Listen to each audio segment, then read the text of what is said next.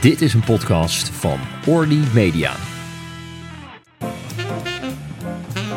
Welkom bij Onder de Loep, de dermatologische podcast waarin toonaangevende collega's zich uitspreken over ons vakgebied.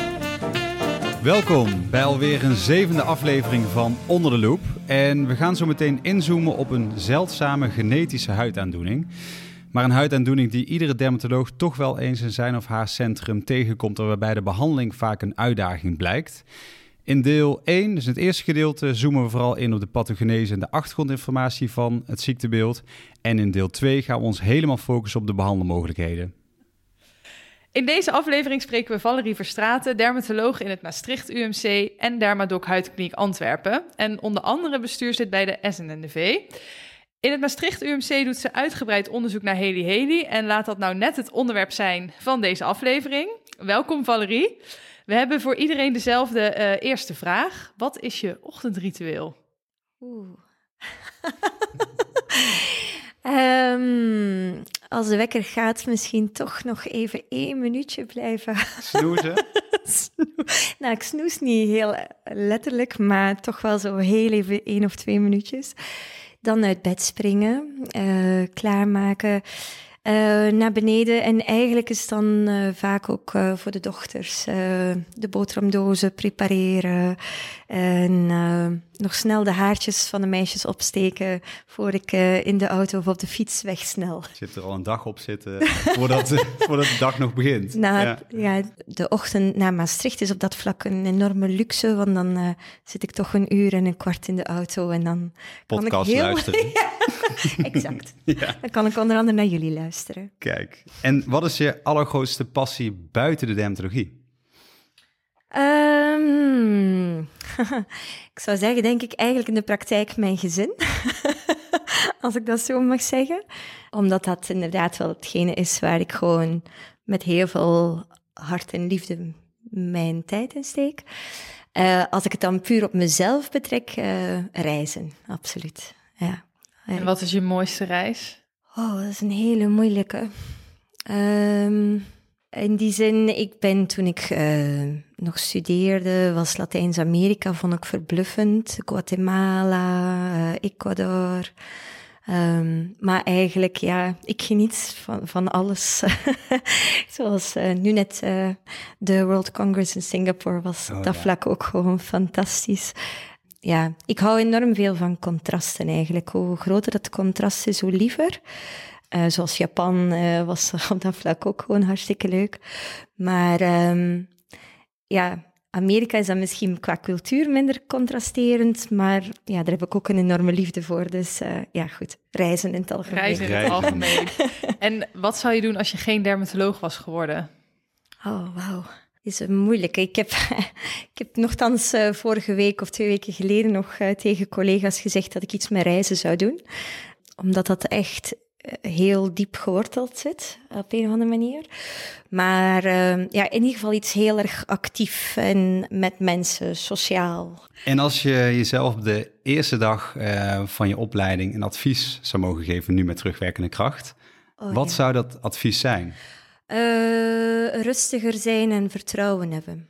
Uh, helemaal het begin van je opleiding is toch iets heel uh, spannend. Heb je het idee dat je niks kunt? Ja, dat is natuurlijk deels ook zo. Maar ja, goed, ik was er wel een goeie in om dan zo toch eigenlijk te denken dat ik het allemaal, dat ik het allemaal niet goed genoeg deed. en um, dat die anderen toch allemaal rondom mij zo perfect waren en het allemaal zo goed wisten.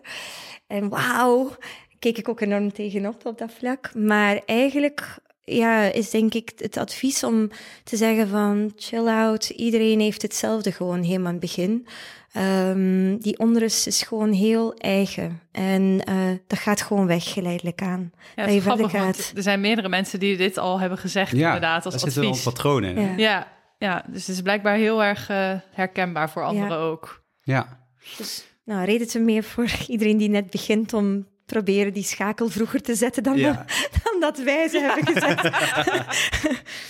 Goed, we gaan beginnen met het hoofdonderwerp, namelijk Haley Haley. Eh, voor het eerst ooit beschreven door de broers Haley in 1939. Wat weten we tegenwoordig eh, precies over de pathofysiologie van Haley Haley? Wat zijn we al te weten gekomen? Ja, voorlopig eigenlijk nog altijd heel weinig. Hè?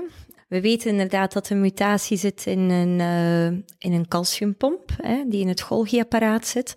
En die daardoor inderdaad zorgt dat de calciumhuishouding in de cel gehandhaafd wordt. Um, nu, hoe juist, um, hoe je komt van calciumhuishouding naar uh, stevige intercellulaire bruggen tussen uw keratinocyten met name nu stratum spinosum, dat is nog altijd deels onduidelijk.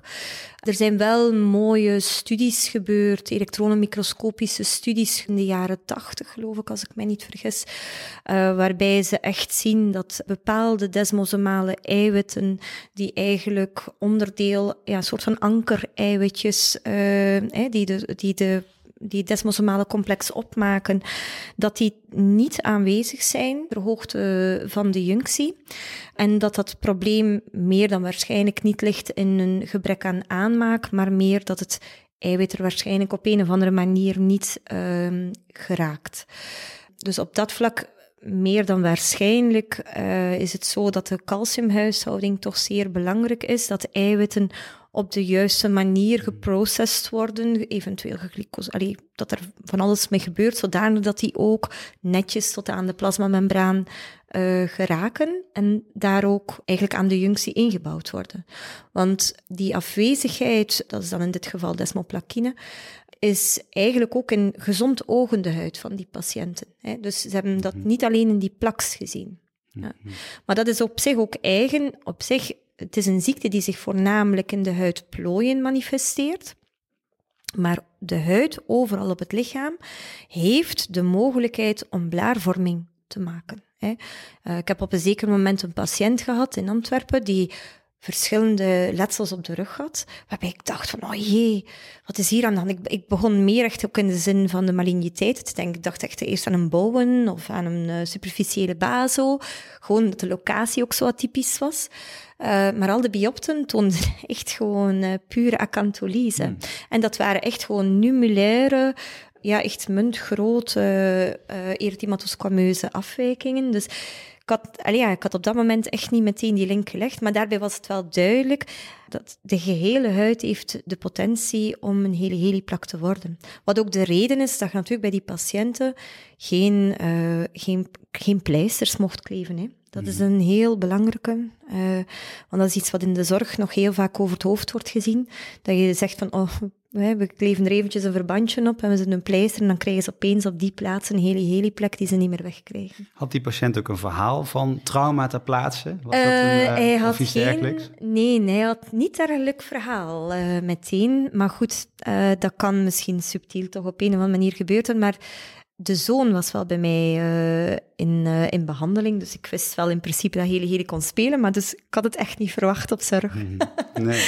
op die drie kleine letsels. Ja, want je, eh, dat calciumpompeffect dat heb je eigenlijk overal in je huid, maar wat maakt dan dat die wrijving en of die trek van een pleister dan toch leidt tot die plak? Ja, meer dan waarschijnlijk inderdaad uh, zijn die, doordat je die anker-eiwitjes eigenlijk mist, heb je een minder stabiele ja, verankering tussen de cellen, waardoor dat dan toch een frictie op uw epiderm wel echt kan zorgen voor de volledige acantholyse, de volledige loslating. Uh, het is natuurlijk op zich wel mogelijk uh, dat er eventueel ook andere zaken meespelen, dat bijvoorbeeld toxines of zo, uh, van bacteriële toxines of zo, eventueel ook wel een, een extra ja, factor ja, een extra factor zijn in het ontstaan van. Dus we weten nog niet geheel waarom het zo... Allee, preferentieel in die plooien heb je natuurlijk het zweten en de frictie, maar mogelijk zijn er nog andere factoren. Zoals inderdaad ook, misschien is het wel zo dat er toch een soort van microbiome meer in die plooien zit, wat ook bijdraagt aan. Maar goed, ik denk zelfs dat er op de clinicaltrial.gov dat daar een, een trial uh, over, over, al over bezig is. Ja. en de plooien noemen we nu. Um, het komt ook wel eens bij de genitaliën voor. Uh, zie je dat vaak? Ja, heel vaak. Heel vaak. Denk je dat het iets is wat wij veel over het hoofd zien? Ja, heli heli is echt een. Um, je hebt het is heel gek. Je hebt soms patiënten die alleen in de oksels zijn aangedaan, waarbij de liezen nog geen klachten vertonen. Je hebt ook mensen bij juist omgekeerde, dat het enkel de liezen zijn, dat de oksels vrij zijn. Maar dan heb je ook weer andere patiënten waar het eigenlijk onder de borst of in de hals. Um, en ja, recent ook iemand in de elleboogsplooien. Dat is, dat is geen plek die ik vaak zie. Uh, maar dat was ook een patiënt die echt ook op alle mogelijke locaties hele heli had. En dus ook inderdaad in de elleboogsplooien. Ja, dus de genitalie zie je ook best... Uh... Absoluut, hè. Dus dat gaat dan eigenlijk zowel als liezen, vulvair, scrotaal, uh, perianaal. Mm -hmm. Het is echt het volledige gebied. Ja. en je noemde net al heel even in de PA de uh, dyskeratose, de acantholyse. Ja. Um, er zijn natuurlijk andere dermatologische aandoeningen die daar ook mee gepaard gaan, histopathologisch. Wat is nu precies het verschil tussen Heli-Heli en een Darrier van Grover? Ja, Darrier heeft, uh, heeft, net iets meer de dyskeratose hè, dan mm -hmm. dat Heli-Heli uh, heeft. Maar het blijft toch eigenlijk op dat vlak een combinatie van uw histopathologie met uw kliniek. Waarbij dat je bijvoorbeeld bij Darrier toch soms uh, nog meer echt die kleine uh, papeltjes, uh, meer echt een papuleus aspect ziet, met daarin ook een beetje oppervlakkige erosieve afwijkingen, waarbij dat het bij Heli Heli toch meer ja, grotere, mm, nattende plak zijn. Pas op, dat kan bij Darrier ook, maar Darrier, heb ik de indruk, begint toch vaak veel meer als iets papuleus. Een beetje kleine mm -hmm. erythemateuze papels gegroepeerd, uh, op het kuir bijvoorbeeld, die inderdaad, waar dat je dan ook die Grover natuurlijk ook in de, D, in de DD hebt, waarbij dat je dan wel ziet dat die Darrier-patiëntjes, ja, die hebben vaak al van veel jongere leeftijd toch de klachten dan dat de Grover is klassiek iets wat je mm -hmm. meer is, eh, op iets oudere leeftijd ziet. Hè. Dus ik denk, uw kliniek is leidend eigenlijk naast uw histopathologie om te gaan differentiëren in welke richting het gaat. En we hebben in Maastricht doen we ook wel vaker genetisch onderzoek. Um, wat is daar de klinische relevantie van, om ja. dat wel dan niet te bepalen? Voor veel patiënten uh, blijft het inderdaad uh, een ziekte waar mensen heel lang mee sukkelen voordat het uh, naamkaartje Heli Heli wordt gegeven. het wordt heel vaak in het begin gezegd van, oh, het is eczeem of, ja, Heli Heli is meteen niet, is niet meteen de diagnose die er wordt opgezet. Dus mensen sukkelen vaak heel erg lang, totdat dan inderdaad iemand komt die ziet van, oh, dit is een Heli Heli. En een genetische diagnostiek ligt gewoon een beetje in het verlengde, in de zin dat het de mensen een stuk duidelijkheid en zekerheid mhm. geeft van oké, okay, ja, kijk, dat is effectief de ziekte die ik draag. Soms is het zo, gelijk nu laatst deze week hadden we iemand die aangaf dat ze zowel Darrier als Heli Heli zou hebben. Ja, kijk, dat is, dat is een uitermate interessante casus natuurlijk. Hè. Dus dat moet ik nu verder even bekijken, eh, maar zij zou uitgezocht zijn. En waarschijnlijk zal zij mutaties dragen op beide genen. Dus het is voor de patiënt vooral een stuk uh, ja, bevestiging van de ziekte die ze hebben en een stuk rust ook. Kan je preventief iets doen? Ik denk wel dat uh, een beetje gewoon een normaal uh, gewicht houden, waardoor je net iets minder plooien maakt in het lichaam. Dat, kan, dat is iets dat helpt. Uh, loszittende kledij. Hè. Um, Zweten zou je kunnen bijvoorbeeld meer met aluminiumhydroxychloride oplossingen werken, zodat je dat zweten vermindert, waardoor je, dat je die factor minder hebt. Hè. Uh, maar ook voor bacteriële flora, dat is eigenlijk een beetje wat ik dat raad ik wel aan heel veel, bijna al mijn patiënten aan, om toch iets antiseptisch te gebruiken bij het wassen, waardoor dat je inderdaad ook de bacteriële lood laag houdt. Nu is dat vooral bij patiënten met een gekende heli van belang, omdat je anders makkelijker een exacerbatie ziet van de ziekte. Mm -hmm. uh, maar mogelijk, ja, mm -hmm zit daar toch iets, ja, zoals we al eerder zeiden, ja, dat misschien toch ook een beetje bijdraagt aan de ontwikkeling van. Hè? Dat je zegt mhm. preventief. Ja, dus dat ik zou denk ik echt, moest mijn dochter of ikzelf nu heli heli hebben, dan zou ik inderdaad zeggen van kijk, een antiseptische zeep twee keer in de week, uh, zeker zo in die plooien, is misschien toch niet verkeerd. ja. ja. En nog even voor de luisteraar, welke genen testen we dan en hoe zouden ze dat eventueel kunnen doen? Ja, dus dat is de ATP2C1-gen. Uh, uh, dat is dan het gen van hele hele en dan de A2, ATP2A2 is dan voor de Darrier. En uh, dat is eigenlijk heel simpel. Hè? Dus als mensen die het uh, dan, als ze een verdenking hebben op hele heli, kunnen ze eigenlijk het beste een formulier van de klinische genetica downloaden op het internet en twee buisjes EDTA-bloed afnemen en sturen. Uh, en dan eigenlijk wordt die DNA-diagnostiek binnen Nederland helemaal vergoed. Dus dat is het mooie. Ja. ja. absoluut. En ik las ook in een artikel uh, dat er meerdere uh, variaties in die mutatie zijn. Ja. Weten we daar iets over? Kan je iets zeggen dat, dat bepaalde variaties een uh, ja, meer hevige beloop hebben of therapieresistenter zijn? Weten we daar iets van? Um, Ruud Nellen um, heeft daar eigenlijk een grotere, een grotere cohorte patiënten um, binnen Nederland ook voor in kaart gebracht om te kijken wat er een genotype-fenotype correlatie mm -hmm. is. Hè. Dat is een beetje waar je naartoe gaat. Mhm. Of dat er dus bepaalde genetische veranderingen correleren met al dan niet een ernstiger beloop van de ziekte. Maar dat lijkt niet het geval te zijn. Uh, dus op dat vlak kan iemand met eenzelfde mutatie een heel weinig uitgesproken beeld hebben, terwijl iemand anders helemaal onder zit. Dat toont dus ook dat er toch veel e-, extra factoren bijkomen die het ziektebeeld toch meer in de hand kunnen werken. Ja, we hebben het nu heel veel over mutatieanalyse, maar is er nog plaats voor uh, histopathologie in de diagnostiek? Uh... Ik denk op zich nog steeds cruciaal. Uh, ik denk dat het wel ehm, voor een getraind oog zo, die ervan bewust is, kun je klinisch al vrij snel wel in de juiste richting. Hè, vanaf dat je zo fissuren, oppervlakkige de plaks en de plooien. Het verhaal, vaak ook een autosomaal dominant patroon. Hè, dus de overerving is één op twee kans als uw ouders het hebben. Dus op zich zit er vaak al een familieanamnese. Dus als dat al, al die schakeltjes er al zijn, dan word je al steeds zekerder.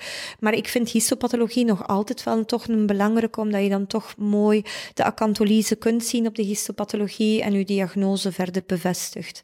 Uh, ik denk dat dat niet verkeerd is. Eenmalig een keer een biopje van 3 mm om die ziekte. Ja, absoluut. Ja, want heb je dan een voorkeursplek in die plak?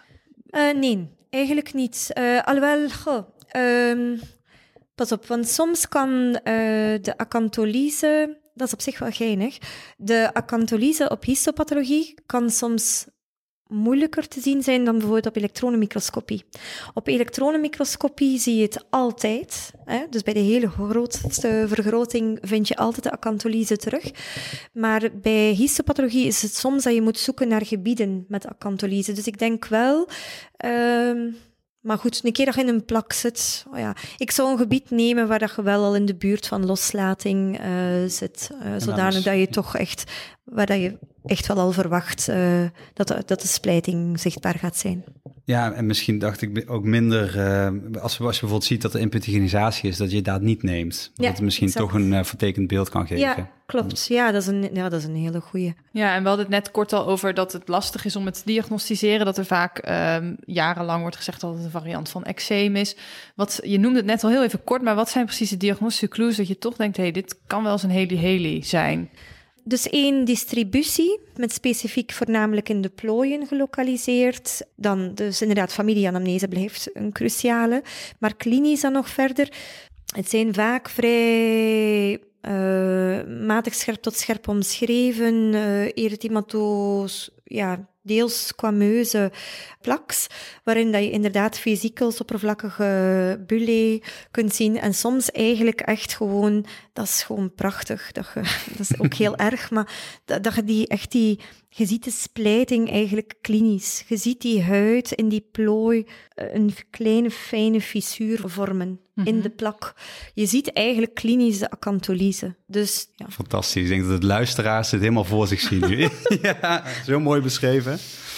We lazen ook wat artikelen, maar goed, het is de vraag of dat zo is, maar dat er ehm, een mogelijkheid bestaat dat er toch een iets hoger risico is op maligniteit in, in zo'n plak, een plaveisselcarcinoom. Is dat iets in de dagelijkse praktijk wat je ook bespreekt met patiënten? Of is dat eigenlijk iets dat je denkt, nou, daar ga ik niet over beginnen? Die, die ik zal je zo zeggen, die associatie is niet iets wat heel veelvuldig uh, besproken wordt, zal ik maar zeggen. Uh, ik bespreek het ook niet met de mhm, patiënten. Mhm.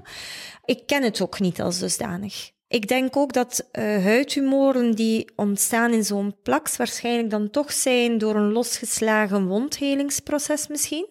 Dat je daar dan toch een keer een aantal mutaties of zo creëert. Maar eerlijk gezegd, ik heb het nog nooit gezien.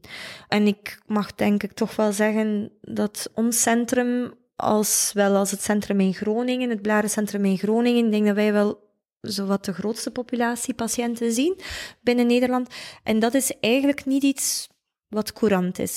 Ik heb wel één patiëntje, uh, ik zeg nu tje, het is een oudere dame die vulvair uh, ingestuurd werd met Heli Heli, waarbij ik zoiets had van dit vertrouw ik niet, dit is geen klassieke Heli Heli, waarbij ik ook dan ook biopsen ben gaan nemen en waar dat dan inderdaad een, een vin aanwezig was. Uh, maar zelfs daar is het eigenlijk nu naderhand blijkt heel moeilijk voor de gyn uh, en op histopathologie om toch die differentiatie soms te gaan maken met heli-heli. dus het blijft lastig. Maar dus echt plaveiselcelcarcinomen heb ik nog nooit gezien en ik zou daar mensen eerlijk gezegd echt ook niet... Nee, ik denk dat dat... Nee, ik denk, dat het, uh, denk dat, het, dat het prima is om daar mensen niet noodloos onrust nee, over te maken. Nee. Ja. Oké, nou mooi, dankjewel. Um, in het tweede deel van de aflevering gaan we zo meteen in op de behandelmogelijkheden, waaronder de ablatieve lasertherapie. Maar we gaan nu eerst luisteren naar de terugkerende kunstrubriek met Marianne Krijns. De kunst van het kijken. Ja, de tijd uh, die vliegt. We zijn weer aangekomen bij de kunstrubriek met Marianne Krijns. Welkom Marianne, wat heb je vandaag uh, voor ons meegenomen? Um, nou, toen ik in het Louvre was, uh, zag ik nog een ander schilderij. En uh, daar moeten jullie ook zeker langs. Uh, ja, beschrijf jij eigenlijk maar wat je op dit schilderij ziet. Ja, je ziet een, een man gehuld in een, een rood gewaad van rond de 50 à 60 jaar oud. die zijn kleinkind vasthoudt, althans zo lijkt het. En um, specifiek zie je in plaats van een neus, met name bij de neusvleugel, zie je huidskleurige en mogelijk iets erythemateuze uh, papels, wisselend in grootte. Um, misschien wat verlittekening. En de diagnose wat mij betreft zou het best passen bij een uh, rhinofima, een uh, rosacea papillopustulosa. En wat ook nog opvalt is een solitaire huidskleurige lichtbruine papel rechtsfrontaal.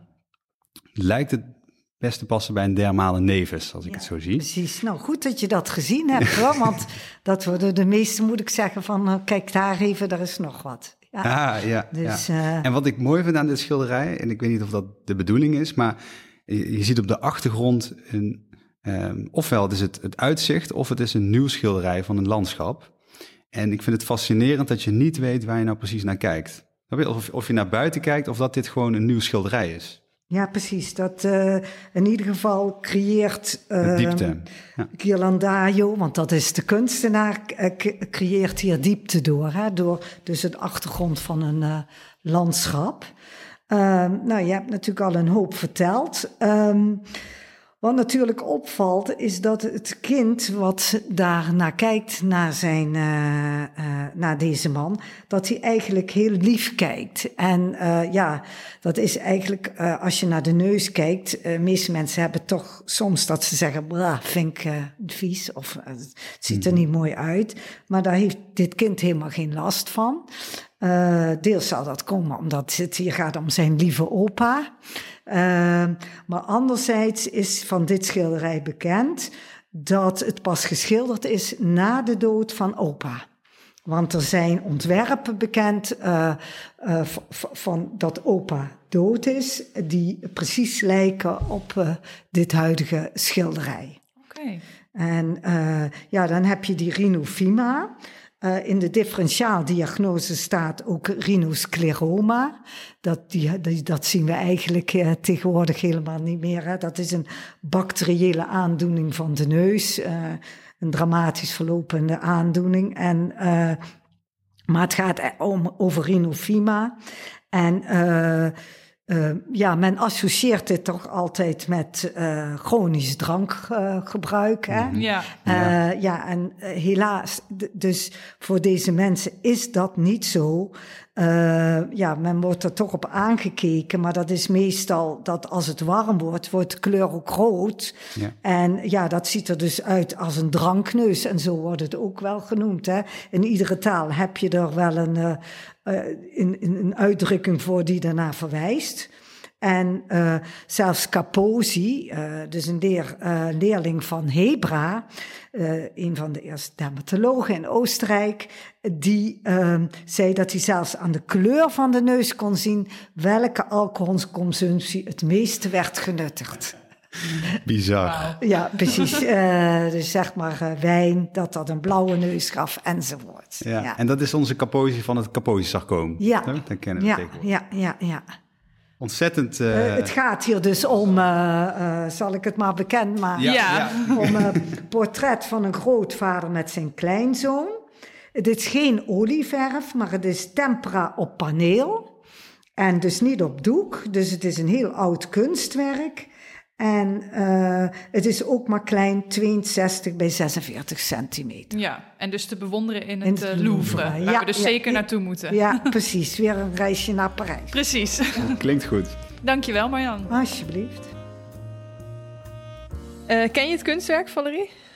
Uh, nee. nee. nee totaal niet. Maar uh, zij, het leek mij wel, ik kon mij wel, aan de manier dat ze het vertelt, kon je er wel echt, en mij, hoe dat jij de huidafwijkingen beschreef, kon je er wel volledig al levendig, ik was al aan het nadenken, ik dacht eerst Rubensiaans, met zo aan een, een grotere neus.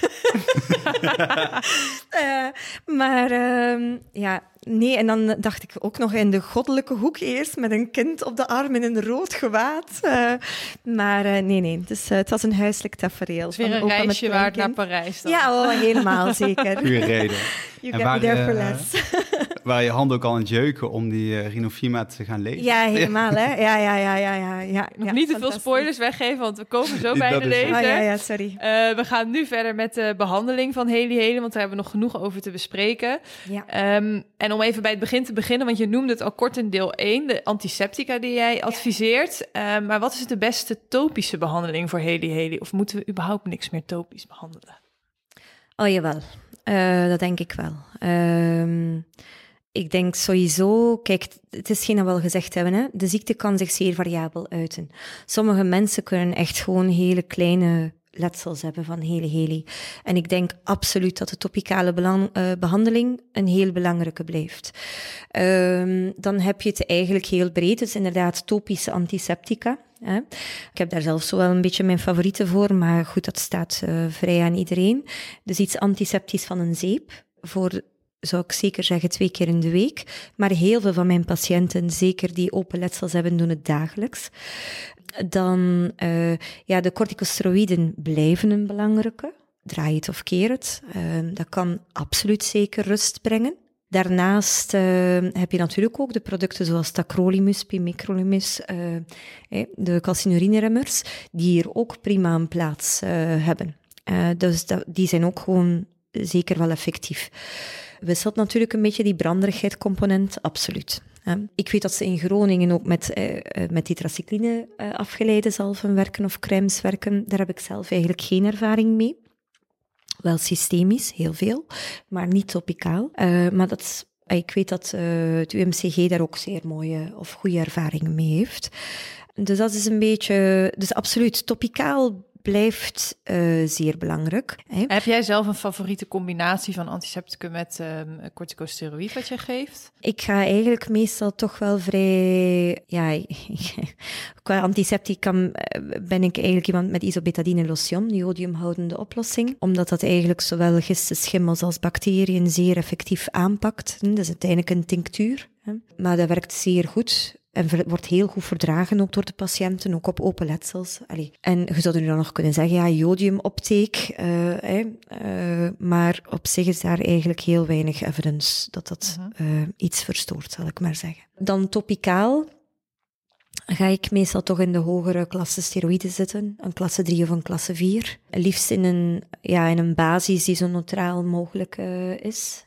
Dus bijvoorbeeld gelijk diprozone zalf, uh, eh, beta-metazonvaleraat, in een uh, vaseline paraffine basis. Maar, uh, maar dermovaten is ook helemaal, al ja, helemaal, dat zijn allemaal prima zaken eigenlijk. Hè. Ik ben persoonlijk iemand die, ook al zijn het huidplooien, die toch liever eventjes gewoon kortdurend sterk behandel, uh, waarop uh, snelle rust komt en dan desnoods in onderhoud naar een iets lager steroïd gaan. Want veel patiënten kunnen zich ook behelpen met eigenlijk eerst met een sterke zalf gedurende een, een paar, pakt twee, drie weken echt een letsel goed onder controle te krijgen en dan de frequentie te verminderen naar twee, drie keer in de week. Ja, goh, als jij nu twee keer in de week op die plooi heel even een klein beetje smeert, dat, dat die huid kan dat echt wel, echt wel Mhm. hebben. Ja. Dat is mijn ervaring althans. Corticosteroïdatrofie, ja, dat, dat zie je in mijn opinie niet zo heel erg vaak. En als we dan overgaan naar de systemische therapie, Ja. wat zou je daar adviseren? Ehm eh, systemisch doxycycline is toch een eh, favorietje. Omwille van het feit dat het inderdaad eh, vooral ook ontstekingsremmend werkt. We kennen het van, we hebben er ook uit, uiteindelijk binnen de dermatologie uitgebreide ervaring mee. Eh, ook langdurig. Uiteindelijk heb je mensen die bijvoorbeeld eh, onder chemotherapieën staan, die ook heel erg lang doxycycline gebruiken. Doxy is toch een middel dat door de meeste mensen goed verdragen wordt.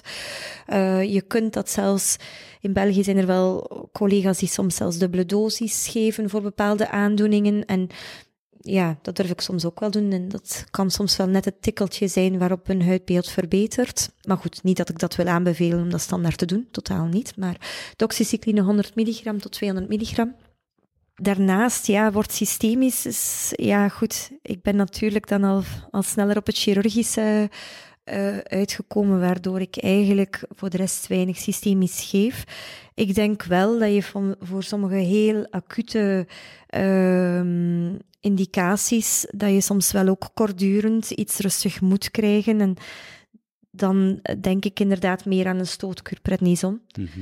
Ik denk dat cyclosporine, Imuran, methotrexaat, dat het allemaal niet heel veel eh, Ja. doet. Naltrexon is een, eh, dat werkt voor sommige patiënten wel wat. Dat geef ik vaak soms wel ernaast. Moet je toch heel erg uitkijken ook dat mensen geen, ja, geen al te gekke nachtmerries krijgen. Eh, dus mensen weten vrij goed zelf waar hun, maxima, hun, maximale dosis zit. Dat kun je best ook een beetje optitreren, zachtjes aan. Eh, maar dat het voordeel is natuurlijk dat het een middel is dat je in principe verder niet heel erg moet monitoren. En ik zeg het, voor sommige mensen kan dat het wel doen. Eh, maar ik zie helaas toch ook heel veel mensen waar dat het... eh, waar dat het niks doet. En ik hoor ook wel vaker, als ik zo spreek met, hè, met collega Marieke Bolling uit UMCG, die ook wel zegt van ja, heel vaak heb je een bepaalde therapie die je doet, dan werkt die plots niet meer, dan ga je over naar iets anders dat weer werkt. Ja, weet je dat je heel alternerende schema's hebt in type therapieën. Maar ehm, ja, Biologicals. er is heel weinig evidence nog voor biologicals. Ik had het laatst aan eh, mijn promovendus gevraagd, of mijn promovenda, hè, lieve Marieline, om ook gewoon een keer de literatuur en alles op een rijtje te zetten. En dan blijkt eigenlijk de meeste casuïstiek vooral voor de Pulimab beschreven te zijn. Dus eh de Pulimab zou bij toch een aantal patiënten wel wat effect eh, opleveren. Apremilast is ook eentje waar wat, maar het lastige daarbij vind ik nog steeds die handtekening, zeker in geval van psoriasis, met de mogelijke toch ietsjes meer neiging naar suïcide of negatieve gevoelens. Je moet rekenen dat dit een heel heftige ziekte is, die heel zwaar eh, weegt op de kwaliteit van leven. En ik vraag me dan af van, goh, om dan een middel te gaan geven dat mogelijk het gemoed nog wat meer gaat beïnvloeden, sta ik niet zo voor te springen. Ja. Ja, we kunnen er nu niet meer omheen. Het woord lezer is al een paar keer gevallen. Ja, ik heb eigenlijk nog wel Oh. één vraag Ah, ja, over ja. die systemische therapie. Ja, ja, wel, we zijn inderdaad ik- misschien nog niet klaar. Ja, ik, ja, heb zeg daar, maar. ik heb een aantal eh, artikelen gelezen waarbij ze simpel magnesium suppleren Ja. en dat dat een heel goed effect zou kunnen hebben. Ja. Is daar iets over Er is, een, bekend? eh, er is een, eh, een review gepubliceerd in de Jaat, twee, drie jaar geleden, waarbij ze echt alle behandelingen op een rij hebben gezet. Ja. Dat is op zich een heel zinvol boekwerk, voor, allee, of mooi artikel eigenlijk. Eh, en daar staat inderdaad ook magnesium beschreven als zeker iets wat kan helpen. Je moet... Ja, in principe is het, eh, het is een calciumpomp, het is eigenlijk een calcium-mangaanpomp. Hoe de magnesium daarin eh, zijn rol kent, is een beetje een lastige. Maar absoluut, daar is, daar is wel wat data voor. Maar ik denk dat ter ondersteuning, absoluut, dat daar een meerwaarde kan zitten. Maar ja, inderdaad. Ik wil wel ook nog iets zeggen voor botox. Kijk, dat is dan in principe natuurlijk geen systemische behandeling. Uh, maar goed, toch ook weer iets, een toxine, neurotoxine dat je gaat inspuiten. En daar had ik nu laatst weer deze week een patiëntje die, die echt wel merkt als ze, als ze wat is het, uh, twee keer per jaar botox krijgt van de betrokken huidarealen, dat haar ziekte echt zeer rustig blijft. Dus misschien zit ook daar toch een belangrijke factor. Hè. Dat is zeker, denk ik, ook voor perifere allee, collega's in de periferie. Dat, dat kan ook een optie zijn. Hè? Nou, dan hebben we een heel mooi overzicht van de behandeling uh, tot nu toe. Maar de belangrijkste behandeling waar we het nu over gaan hebben, hebben we nog niet besproken. Dat is de lasertherapie. Ja. Wat kun je ons daarover vertellen en hoe werkt het? Het is eigenlijk zo'n beetje gaandeweg gekomen met eigenlijk mensen die ja, echt hopeloos bepaalde letsels hadden. Uh, dat ik de ervaring heb opgebouwd en uh, steeds vaker zag dat het effectief ook helemaal werkt. En ik denk dat ik nu kan zeggen dat ik, uh, ja, een 99 tot bijna 100% succespercentage heb. ik zal het geen 100 noemen, hè, ehm, maar minimum 95%. Ehm, en dus dat, wil, dat houdt in dat je eigenlijk een huidareaal onder lokale anesthesie, uh, wat dan lidocaïne met adrenaline, want het is een koude ablatie. Hè. Uh, een koude ablatie met een erbium-JAG heeft het voordeel dat je heel snel kan ableren, omdat het een, een erbium-JAG-laser, een 2940 nanometer, heeft een heel erg hoge absorptie in water. Dat wil zeggen dus dat hij, dat hij zeer specifiek dat water heel snel uh, doet koken en letsel verdampt, hè, heel snel ableert, met eigenlijk heel weinig uh, warmte, schade naar de diepte. Dat is iets wat je met een CO2-laser heb je toch iets meer schade naar de diepte. Dat wil zeggen ook dat het resulterende litteken met een koude ablatie toch een stuk mooier is dan met een CO2-laser. Maar goed, dus ik heb dan inderdaad gezien dat als je met een RBM-JAG-laser maar net diep genoeg gaat op alle plaatsen in het letsel. En daar moet je echt heel minutieus in zijn, zover dat we kunnen. Hè, want ook elk huidareaal op een lichaam is ook anders. Een, uh, een vulva of een scrotum uh, is geen huid van de rug. En uh, een oksel is ook geen liesplooi. Uh, daar zit heel veel verschil. Papulaire dermis. En hoe zie je dat je daar bent? Ja, dus dat, dat, daar ligt ook de moeilijkheid. Dus je wil eigenlijk uh, sowieso je hele epiderm gaat eraf, maar eigenlijk ook je bovenste laag van je papillaire derm gaat eraf. Dus je gaat, je zoekt een beetje het niveau van het reticulaire, van het reticulaire derm. Dus dat zijn behoorlijk wat laserlagen. Afhankelijk natuurlijk van hoe, de, hoe dik het letsel is. Hè? Ja, en inderdaad, daar staan geen wegwijzers op de huid. Dus dat is, dat is lastig. Uh, het is eigenlijk vooral ook laseren tot op een punt dat je eigenlijk een heel fijne vascularisatie ziet in het derm. Ja, en zeker niet tot op het niveau dat je echt uh, volledig je subcutis ziet uh, doorschemeren. Zover hoeft het niet te gaan. Waarom moet je zover gaan? Uh, waarom moet je zo ver gaan? Uh, ja, dus uit de ervaring die ik heb opgedaan, dat als je dat niet doet, dat je heel snel een recidief hebt. Hè? Dan heb, dus eigenlijk, je weet het eigenlijk vrij snel wanneer dat je niet diep bent gegaan, genoeg bent gegaan. Want een recidief treedt meestal binnen de vier weken op. Ja, maar, heel snel. maar waarom denk je dat dat niveau werkt? Ja, dat is, dan ga je een beetje naar de celbiologie uh, hoek. Hè. Uh, ik denk dat het inderdaad wat de ervaring in de kliniek leert en uh, vertalend dan naar meer het celbiologische vlak, uh, lijkt het in ieder geval dat je het volledige epiderm en dus ook de interfolliculaire stamcelpopulatie, hè, dus uiteindelijk de stamcellen die tussen de haarzakjes zitten op, de op je boven je basale membraan, dat je die al in ieder geval volledig eradikeert. En dat je dan eigenlijk een wondheling krijgt die puur vanuit uw haarfollikels komt. Hè. Er zitten twee stamcelpopulaties in uw haarzakjes. Je hebt de bulge region en de isthmus region. Dus vanuit die regio's komt uw herstel. Nu is nog een beetje de vraag, zover ben ik zelf nog niet, of dat uiteindelijk dat preferentieel vanuit de bulge komt of vanuit het isthmus. De isthmus ligt hoger, hè, die ligt ter hoogte van de uitgang uh, van het uh, talgkliertje eigenlijk aan uw haarzakje. En dat zit altijd op schematische tekeningen, lijkt dat toch altijd vrij hoog te zitten. Dus mogelijkerwijs dat ik eigenlijk met de laser, doordat ik toch mijn papillaire darm meeneem, dat ik toch ook die stamcelpopulatie voor een groot stuk meeneem. Het lijkt ook wel uit de literatuur dat de wondheling vooral ook bulgecellen zijn. Uh, die transdifferentiëren naar long-standing interfollicular stemcells terug. Maar ja. zij, die stamcellen, hebben die afwijking ook? Ja, maar daar inderdaad, helaas moet ik dan zeggen, weten we nog heel weinig van. Dus dat is iets waar we eigenlijk al in eerste instantie moeten voor gaan kijken, is of dat bijvoorbeeld die mutante calciumpomp, hè, of die, cal, hè, die uh, HSPCA1 uh, calciumpomp, of dat die ook even hard in stamcellen tot expressie wordt gebracht. Van mogelijkerwijs dat er in die stamcellen net weer andere calciumpompen actief zijn, zodanig als die het voor het zeggen krijgen uh, na een wondheling, dat überhaupt dat foutje er niet meer toe doet. Mm -hmm. Dus dat zij al preferentieel toch met andere calciumpompen werken. En dat is iets waar we nog niet heel erg veel van weten. En dat is eigenlijk ook iets daarvoor moeten we echt die stamcelpopulaties uh, op RNA-vlak, denk ik, goed gaan uitcijferen. Uh, zowel bulge region, isthmus region, naar En ook daar is nog voor deze specifieke calciumpomp nog weinig van bekend. Ja, en waarom? Uh, want je zegt net succespercentage, nou 95 procent, maar voor, op, op hoe lang is dat dan? Ja, extreem lang. In die zin ja, ik durf het bijna niet. Allee, men, mensen moeten ermee opletten. Hè. Maar dus als je inderdaad bedenkt dat ik in 2013 ben begonnen.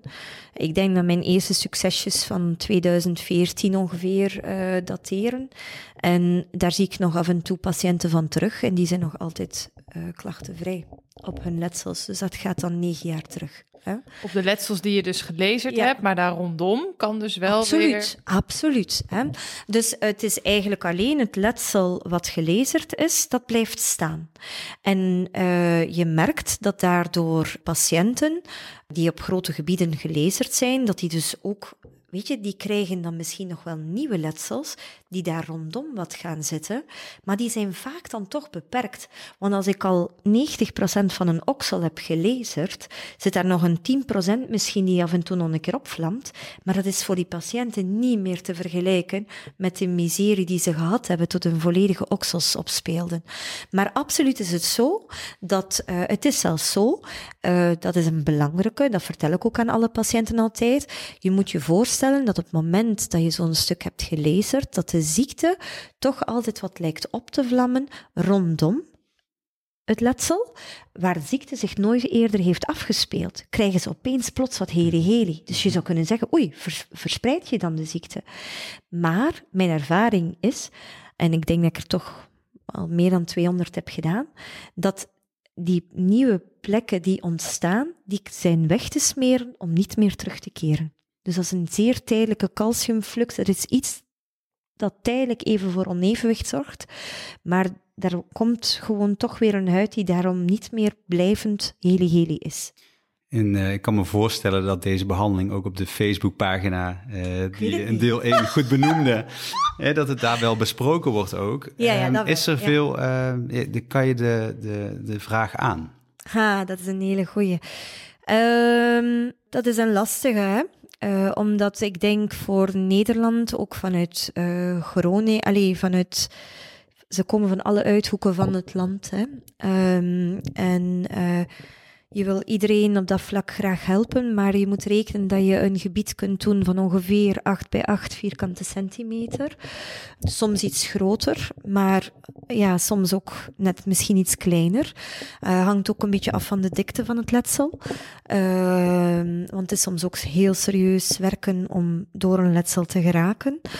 Dus op dat vlak is het natuurlijk iets wat ja, in stapjes gebeurt. Hè. En mensen hebben soms op dat vlak, ja, jammer genoeg, inderdaad zijn ze dan blij dat ze eindelijk op het laserspreekuur staan. Maar vervolgens zit er wel een beetje ontgoocheling dat het letsel dat je kunt doen niet altijd even groot is. Vooral ook, we zijn natuurlijk ook een opleidingssetting. Dus daar zit ook een beetje een limiterende factor. Hè. Ik kan ik wel alles zelf gaan lezen en aan een speedtempo alles eraf gaan uh, halen, maar dat is ook niet de bedoeling. Hè. We zijn in eerste instantie ook een, een opleidingsziekenhuis, waarbij ook de, de jonge assistenten de, eh, kans moeten krijgen om uh, dit te leren dus op dat vlak is het inderdaad ook gewoon heel moeilijk om die hele. Uh, dat zal in een private setting is dat op dat vlak wel anders. Ik denk dat je in een private setting kun je wel een iets groter gebied dus doen. Maar, maar ja, toch, ja, dat blijft inderdaad wel met stukjes werken. En inderdaad vanuit heel Nederland. Dus je moet dan toch tegen mensen gaan zeggen van ja, ik heb een wacht. Hier in Maastricht hebben wij een makkelijke wachttijd van, ja, echt schrik niet, maar vijf maanden, een half jaar is niet abnormaal. Zou je hopen dat er nu een aantal dermatologen luisteren zijn die denken, ik wil me hier in gaan scholen? Absoluut, absoluut. Um, kijk, ik denk op zich kan het met een RBM koude ablatie, denk ik, is preferentieel, omdat het dan de mooiste letsels geeft. Maar je kunt ook met een CO2-laser aan de slag. Er is heel wat, allez, heel wat is een groot woord, maar zijn er sowieso in de literatuur een aantal casuïstieken. Uh, zijn er meer casuïstieken beschreven met een CO2-laser dan met een RWM-JAG. Mhm. Dus het kan, het kan absoluut. Ja. Misschien de laser waarmee degene dan het meeste ervaring heeft. Absoluut, absoluut. Het enigste nadeel, um, en dat is een beetje denk ik ook het lastige, het is een ingreep waar dat je gemakkelijk 90 minuten mee bezig bent. Dus wij rekenen daar in Maastricht een uur en een half voor. Dus dat is een serieuze hap ook uit een, uit een spreekuur. Hè. Dat is de helft van een spreekuur. Um, wat ook maakt, dat geldt, uh, dat geldt in academische centra, maar ook in perifere settings natuurlijk. Ja, dat dat wel een hele, ja, dat, dat is ook wel een beetje een beperkende factor. Ja, ja. zeker. Ja. Um, ja, en je doet onderzoek naar Maastricht. Je noemde net al, je begeleidt een promovenda op uh, Heli Heli. Wat loopt er nu nog qua onderzoek? Uh, wat kunnen we nog verwachten in de toekomst? Wat oh. antwoorden kunnen wij verwachten? I just got started. ja. Zijn er onderzoeken waar patiënten actief aan kunnen deelnemen? Um, ja, dus op dat vlak uh, echt zijn hele, hele patiënten de meest fantastische uh, patiëntpopulatie die, uh, die er is. absoluut. Hè? doordat dit zo'n een daverende huidaandoening is met zo'n gigantische impact op kwaliteit van leven, zijn mensen ook zeer welwillend om mee te werken aan onderzoek, waarvoor dank. Maar uh, dus inderdaad, op die manier hebben wij uh, bij een achttal patiënten, die uiteindelijk zeven biopten hebben afgestaan in de loop van de studie, om uiteindelijk te gaan kijken, één, naar de diepte van de laser die nodig is voor langdurige remissie. Daarnaast zijn dan biopten afgenomen om te gaan kijken op genexpressieniveau van wat gebeurt er nu, hè, wat gaat er, hoe ziet die huid erin uit in een hele heliplak, hoe is dat onmiddellijk na laser, hè, en hoe is dat in de gezond ogende huid hè, van die patiënten. Mhm. En daarnaast, en dat vond ik, uh, dat is zijn zowel wat de eerste data natuurlijk, is de elektronenmicroscopische studie een heel belangrijke, waarbij dat we dus eigenlijk een 2 mm sample nemen uh, van uh, de hele heliplak, uh, vervolgens uh, zes weken na uh, de laser. Ehm, en dus ook de gezond ogende huid van de patiënten. En dat is op zich wel gewoon heel erg mooi om te zien dat je eigenlijk bij alle patiënten zie je heel mooi die acantholyse, dus het uit elkaar vallen van de, van de huidlagen in het epiderm, voorafgaand aan de behandeling. En zie je inderdaad in alle gevallen na de lezer dat daar gewoon een hele mooie uh, epidermis staat, waarbij eigenlijk desmosomale structuren staan, die zelfs nog mooier georganiseerd zitten dan in hun eigen gezond ogende huid. Uh, het lijkt zelfs zo dat de huid die je krijgt na laser uh, nog beter is dan hun eigen gezond ogende huid. Dus nog meer gelijkt op de huid van u en ik, zal ik maar zeggen, die de mhm. ziekte niet draagt, uh, dan op hun eigen gezond ogende huid. Dus dat is iets heel bijzonder. Ja. Ja. dus dit bevestigt alleen maar dat er meer dermatologen in Nederland Ja. eh, en België deze behandeling moeten gaan toepassen. We Ja, kunnen niet absoluut. wachten om eh, deze artikelen te gaan lezen eh, binnenkort. Exact, die komen eraan. Duivelse dilemma's. Dankjewel alvast voor dit onderdeel, want het zijn hele interessante eh, antwoorden en ik merk dat we hier echt nog uren over door kunnen praten. Ehm, dat gaan we niet doen, maar we gaan wel nog door naar de duivelse dilemma's, het laatste onderdeel van deze podcast. Ja, het eerste dilemma, Valerie, is nooit meer onderzoek doen of nooit meer reizen. Oh, oh jee. Waarom doe je me dat aan? Ehm, weet je, ik ga dan toch voor nooit meer reizen, omdat ik toch het idee heb dat ik de wetenschap toch overal wel mee kan nemen. Wetenschap is een stuk wat je gelijkwaard ter wereld, je doet PubMed open en je kunt gewoon beginnen. Ehm, dus, en ideeën, ja, zoals ik ehm, laatst nog maar zag eh, op de World Congress, heb ik misschien eh, meer mijn beste idee van het laatste jaar opgedaan. Dus nee, absoluut. Het zijn twee zaken, denk ik, die ook perfect samengaan. Dus ik wil niet kiezen. Sorry. Nou, wij weten ook als geen ander hoe gepassioneerd jij bent over allergologie. Oké. Komt-ie? Nooit meer laserbehandelingen of eh, nooit meer een allergiespreekuur? Ja, op dat vlak geef ik toe dat de lezer eh, voor mij toch wel het grootste, liefste kindje is. Dat geef ik toe. Ik doe mijn uiterste best en ik ben heel blij dat ik lieve collega's in de landen heb, zoals een, een lieve Thomas Rustenmeijer en een Norbert Ipenburg en nog andere, waarmee ik heel fijn, als het moet, even lastige casuïstieken kan bespreken. Ehm, maar mijn hart ligt wel het meeste bij de lezer, ja. Ik denk dat de hele, hele patiënten, als ze dit horen, ongelooflijk blij zijn met dit antwoord. Goed zo. Ja, dan zijn we helaas alweer aan het einde gekomen. We willen je namens de luisteraars ook heel erg bedanken. En ja, tot de volgende aflevering. Het was een hele eer. Dit was Onder de Loep. Dank voor het luisteren en graag tot de volgende aflevering.